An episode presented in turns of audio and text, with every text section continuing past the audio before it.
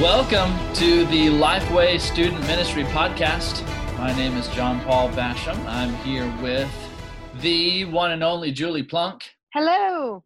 And producer Nathan, as always, with us. What's up? Glad to be here. Hey, today we are without Ben Trueblood, but he'll be back with us next episode. Want to encourage you to to go leave us a rating and review if you would take a few minutes launch in there give us five stars and a shining complimentary comment so that other people can find this podcast. We're we work really hard to try to make this as good as we possibly can. But also want to remind you that we're always open to your feedback. So hit us up give us some feedback. We'd love to know what you would like for us to talk about. So with that said let's launch into today's topic.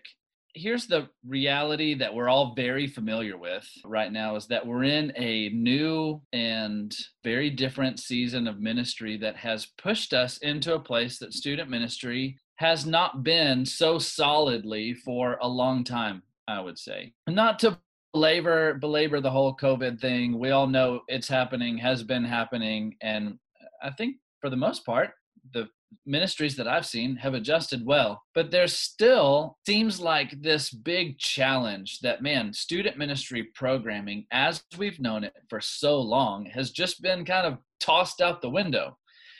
And it's such a big piece of student ministry that it, I think it has left a lot of student pastors asking the question, like, okay, seriously, what do we do? Uh, for some time, we were just waiting kind of on the queue, like, when can we go back? When can we go back? When can we go back? And then that queue gets continually gets pushed back and it feels like the band-aid that we were trying to throw on the situation is now becoming more of a new process for student ministry. It's a little bit of a more like a new reality than a short break from what student ministry has felt like for so long don't you don't you think? Yeah and it seems to have really forced not only youth leaders but all church staff to come up with a new normal. Because like you said we don't know how long we're going to be in this season. And so there's some major shifts that's going to have to happen before things go back to how they were in 2019 and so for the relationships you youth leaders have with your students those are probably coming to light whether those have been fostered in a deep way, or maybe you're realizing, oh man, I may not have been pouring into as much as I could have been. And I'm realizing I don't really know my students as well as I wish I did. So this might be a good motivating kind of wake up call like, oh man, I need to kick it in gear. And I want to be able to serve my students in the best way possible, no matter if I'm seeing them in person or not. You know what always did that for me? That I feel like the similar a, a similar feeling for me in student ministry was when I early on I, eventually i got more comfortable with this but early on going into a school cafeteria was always the thing that revealed the most i don't have the relationships that i wish i had with the students that are here it's kind, of, it's kind of one of those like, oh, what do I do? I don't know what to say. I don't even know your name. I have to go eat by myself in the bathroom. yeah. Somebody oh. please act like you like me in this moment so it's not so uncomfortable for me. So I don't look, don't look like a creepy man coming into a high school cafeteria that may oh. be the way that some student pastors have felt when the, the Wednesday night goes away, the Sunday morning goes away, and the crowds are gone. We've heard from student pastors across the country that more and more it's it's difficult to get students on a Zoom call now. It's difficult to get them to text back. And so probably even the groups that maybe were fairly strong to begin with are a little bit smaller, they're a little bit more intimate which can be discouraging, but can also be, I think, very revealing of where your students are, the students in your student ministry. Often I would use kind of special moments, targeted moments. Hey, here's the extra Bible study moment. Here's the, well, every single year that I would do a systematic theology Bible study, it was kind of like, okay, let's see who shows up to this because it's not for everybody. But the ones Mm. that do show up to a thing like that and i would think in this season the ones that continually show up on these zoom calls are some of the ones that you know okay you know they're really ready to go next step. They're ready they're wanting relationship they're wanting to continue moving forward. And that's not to say that the kids that don't show up are like oh give up on them but i think there can be some strong indicators and some encouragements for who you can really be intentional to foster some relationships with.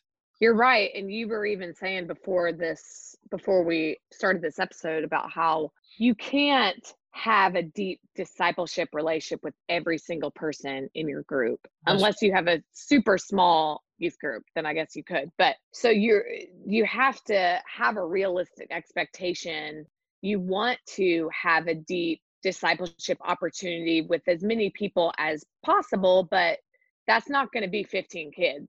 There's just you just won't be able to. Now someone needs to be pouring into those students and you really are going to be relying on your volunteers to kind of divide and conquer that or older students or, or however your ministries run. But yeah this is a great opportunity for you to dive in deep to those maybe those few students that have been really dedicated and shown leadership and plugging them in leadership opportunities for the future and even just voicing to them man i really appreciate you just showing up and Mhm. being involved and showing dedication that can go a long way Yeah. So I think before we launch into what may be some tips for you, probably some reminders for you, uh, overall, the encouragement is this that your student ministry and everything you've planned to do in your student ministry is not dead. The mission that God has given you, the call that He's given you to reach these students is still there and it's still a very strong call. It just looks a little different right now. And so, one encouragement that I would give to you is to be encouraged in it, to stay positive about it. It's it's easy to say, "Man, I can't do this. I can't do this. I can't do this." Like, what am I supposed to do and throw your hands up in frustration.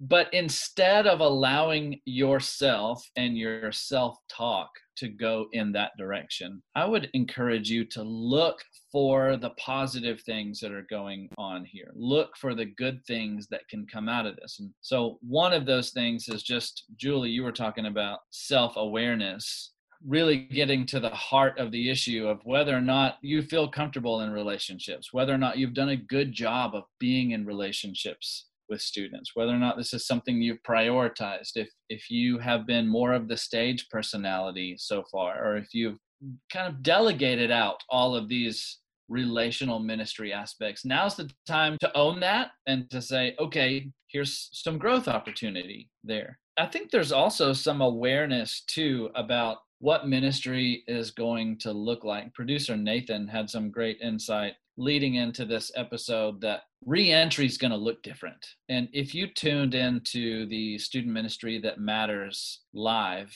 if you tuned into that reentry conversation, you will have heard some of the discussion there. But more than likely, you're not going to be able to just launch right back into student ministry programming. So even just being aware and being honest with yourself that this really isn't a band aid. And so relational ministry is going to last potentially several months into reentry. This is going to look a lot less like your normal Wednesday night gathering with all your kids in one room and a lot more like home groups or small groups in, you know, if you're kind of in a Sunday school model or life group model, whatever you want to call those, a few kids in a room with a couple of leaders is probably what ministry is going to look like for a little while. So, knowing that, the question is, how do you leverage that when you know you can't depend on some of the larger scale programming that you may have been leaning on to give momentum and energy that's typical of student ministry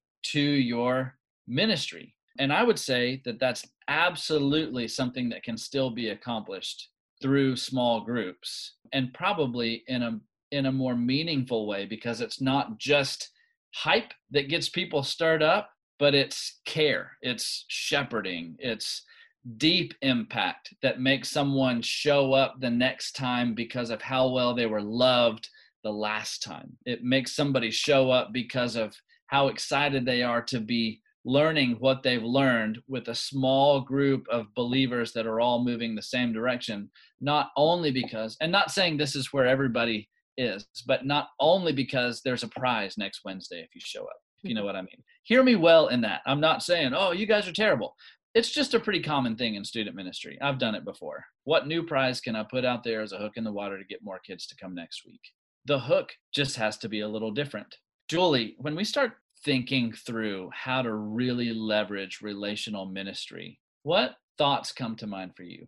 You know, I, this not only goes with youth ministry specifically, but just discipleship and relationships in general. Looking at Christ's example is always a good starting point. So I think about how he did ministry and look at his methods for doing ministry. And he worked from the outside in, which I think is a great place for you as youth leaders to start. So there's a connection that he had with everyone that interacted with him. He knew their names. He, I mean, of course, he knew their names because he knows everything. So, I mean, shoot for the shoot for the stars, youth leaders. But, um, you know, he made everyone feel heard, even if they were not the most appropriate, obedient people. So even those students in your group that maybe are more disruptive or annoying or whatever, connect with them so they still feel heard. And then, of course, there's a smaller level to that. There's a small group that smaller group of people that youth leaders can connect with on a deeper level. You're going to their events at their school. You're connecting more closely maybe with their parents and plugging them into some leader, leadership opportunities. You go even further like jesus had an inner circle um, peter james and john. There's a small group of of youth that hopefully you're able to really pour into and challenge and push to succeed and have kind of hard conversations with. I try to look at it from that perspective of working from the outside in relationally how can you connect and really pour into those kids. I think that's really good. And I think that's something that is worth taking the time to figure out what those connection points are because they're they're different in a new landscape of ministry in a different culture of student ministry that we're going to be in at least for the next 2 or 3 months I would think. The connection points are a little bit different and and even like what school connection points look like even that's even up in the air where I am, they're considering not going back to school in the fall, not to create a panic for everyone if your state is not thinking about that right now. But that's that's where we are. The schools are wondering if they're even going to have teachers come back in the fall that want to teach to be able to staff school in murray County. So what those connection points look like is probably a completely new a completely new list that you need to make. Where can I mm-hmm. connect? How can I connect? When people are more comfortable connecting in small groups, where do those small groups meet? Where do I where do I support students? You know, we go to sport, we go to games and we go to clubs and we go to plays and we do things like that in large part to show support, to be there for them and to build those relationships. Now there's a brand new question. Where do I show up? to build those relationships and show that support, show that shepherding care as a student pastor. And I continue to think that so much of that connection lies in the relationship with parents that I think has been highlighted as a, a, gold mine opportunity right now while everybody's together at home. So, considering the parent connection, leveraging some things like you want to make sure and tune in to next week's episode because we are working on that for you. And we're going to be releasing a series of resource packs that will give you uh, some tools that you can use to push out to those parents to really take advantage of that point while that connecting point remains as strong as it does now. I would think the other piece to to go again with that self-awareness piece is just making sure that you have leaders ready to pour into the students that you can't pour into. Now, not because you can't pour into any one of your students, but because there's just not enough of you to go around. So I think there's the analysis of am have I been doing what I need to do to pour into students? And then there's also the analysis of have I been doing what I need to do to help my leaders pour into students the way that they should? Julie, how do you think that looks different? I wonder because so a lot of times the struggle when a when a volunteer would come into our student ministry in Virginia and the same thing for volunteers coming into our student ministry at the bridge it is often a feeling of being overwhelmed. There's so many teenagers here. It's kind of like the feeling that i had that i described going into the cafeteria like mm-hmm. what do i do? And how do i you know break into these cliques of kids the zoom meeting i feel like is totally different. All of a sudden it's not intimidation because of the crowds it's intimidation because you have 10 faces looking at you to lead a zoom meeting right? Yeah. Um, and you don't have some of the dynamics of being in the same room together. Yeah. So how do you think the coaching changes for a student pastor encouraging small group volunteers to dig into relationship this way?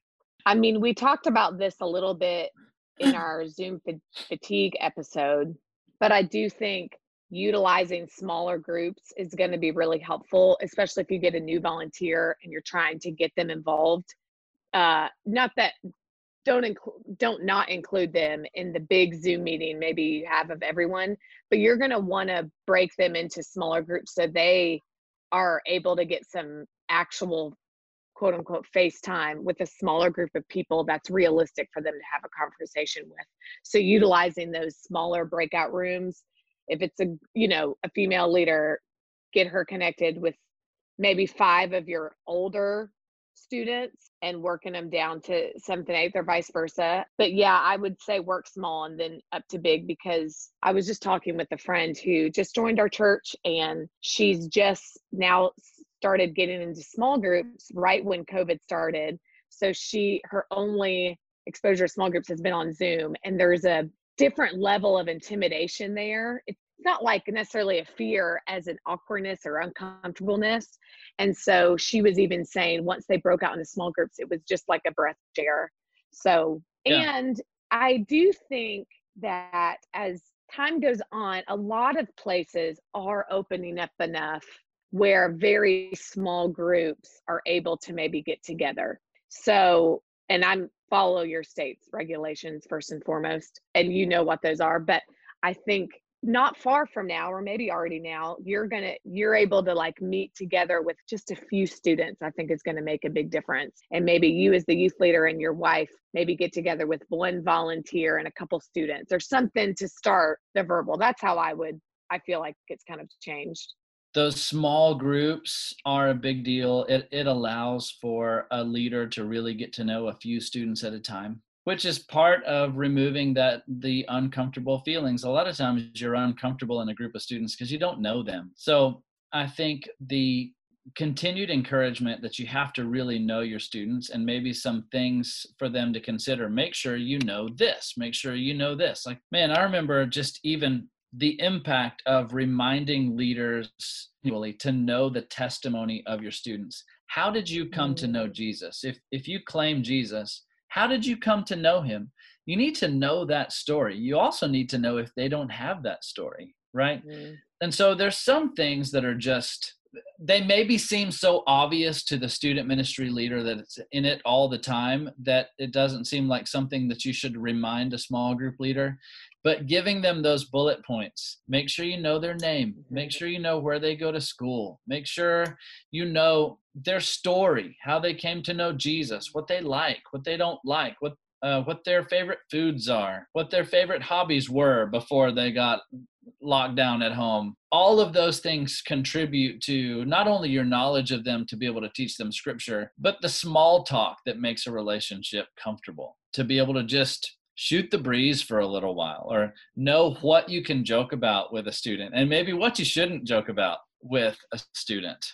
The only other thing that I might say, this is something that I've noticed in Zoom meetings, is that the awkward silence is infinitely more awkward on Zoom. That's so true. but it's still important to allow it sometimes, mm-hmm. to allow for somebody to to think but like when you like you know we'll be in writers conferences with an author outlining a bible study and we have seven or eight people in a zoom meeting and when you're in a room and you can see it flipping in their Bible and you can see their wheels spinning and like they're, you know, jotting something down on paper. You know, you can tell by body language, by the full picture, people are thinking it's okay. This moment of silence is okay. When you just see like chest up, you know, shoulders up, somehow it's just like, gosh, somebody talk. Please. Yeah. And you have the technical on top of that. So you don't know is it really silent? Is someone trying to talk and they are just blotching or yeah. Uh, it's yeah, you're right. It is so painful, but necessary. Yes. Yeah. So just an encouragement about how to lead a conversation with students and that that silence that time to process that goading them on even through that moment of silence that hey I, I need you to answer. I need you to interact. This isn't going to be fun. It isn't going to be relational if i just talk the whole time. Those things are still good reminders to have out there in front of your leaders. Any last thoughts that you'd have? I think all these were just good reminders. A lot of this stuff i'm sure student leaders know but i think it's a, a great refresher for the time that we're in now and the phase that we're going to be moving into the last encouragement that I would leave you with is this that just as we know it's important for for us to have relationships with our students for the sake of discipling them and leading them forward it's just as important for us to have relationships with other like-minded leaders that pushes us forward in our own discipleship journey that pushes us forward in our ministry that encourage us that hold us accountable and we know what all of those relationships do in our life. And so I want to let you know about the Youth Ministry Booster Season 2 registration that is opening on May 20th. This is one of those places that you can plug in with other student ministry leaders to learn from one another, to have some moments of soul care, to be resourced and to be trained, and just to get a, a, a step ahead in your ministry. So I'd encourage you to check that out. May 20th, again, registration opens for season two. We would love for you to be a part of it with us. Well, this has been another episode of the Lifeway Student Ministry podcast. We'll see you next time.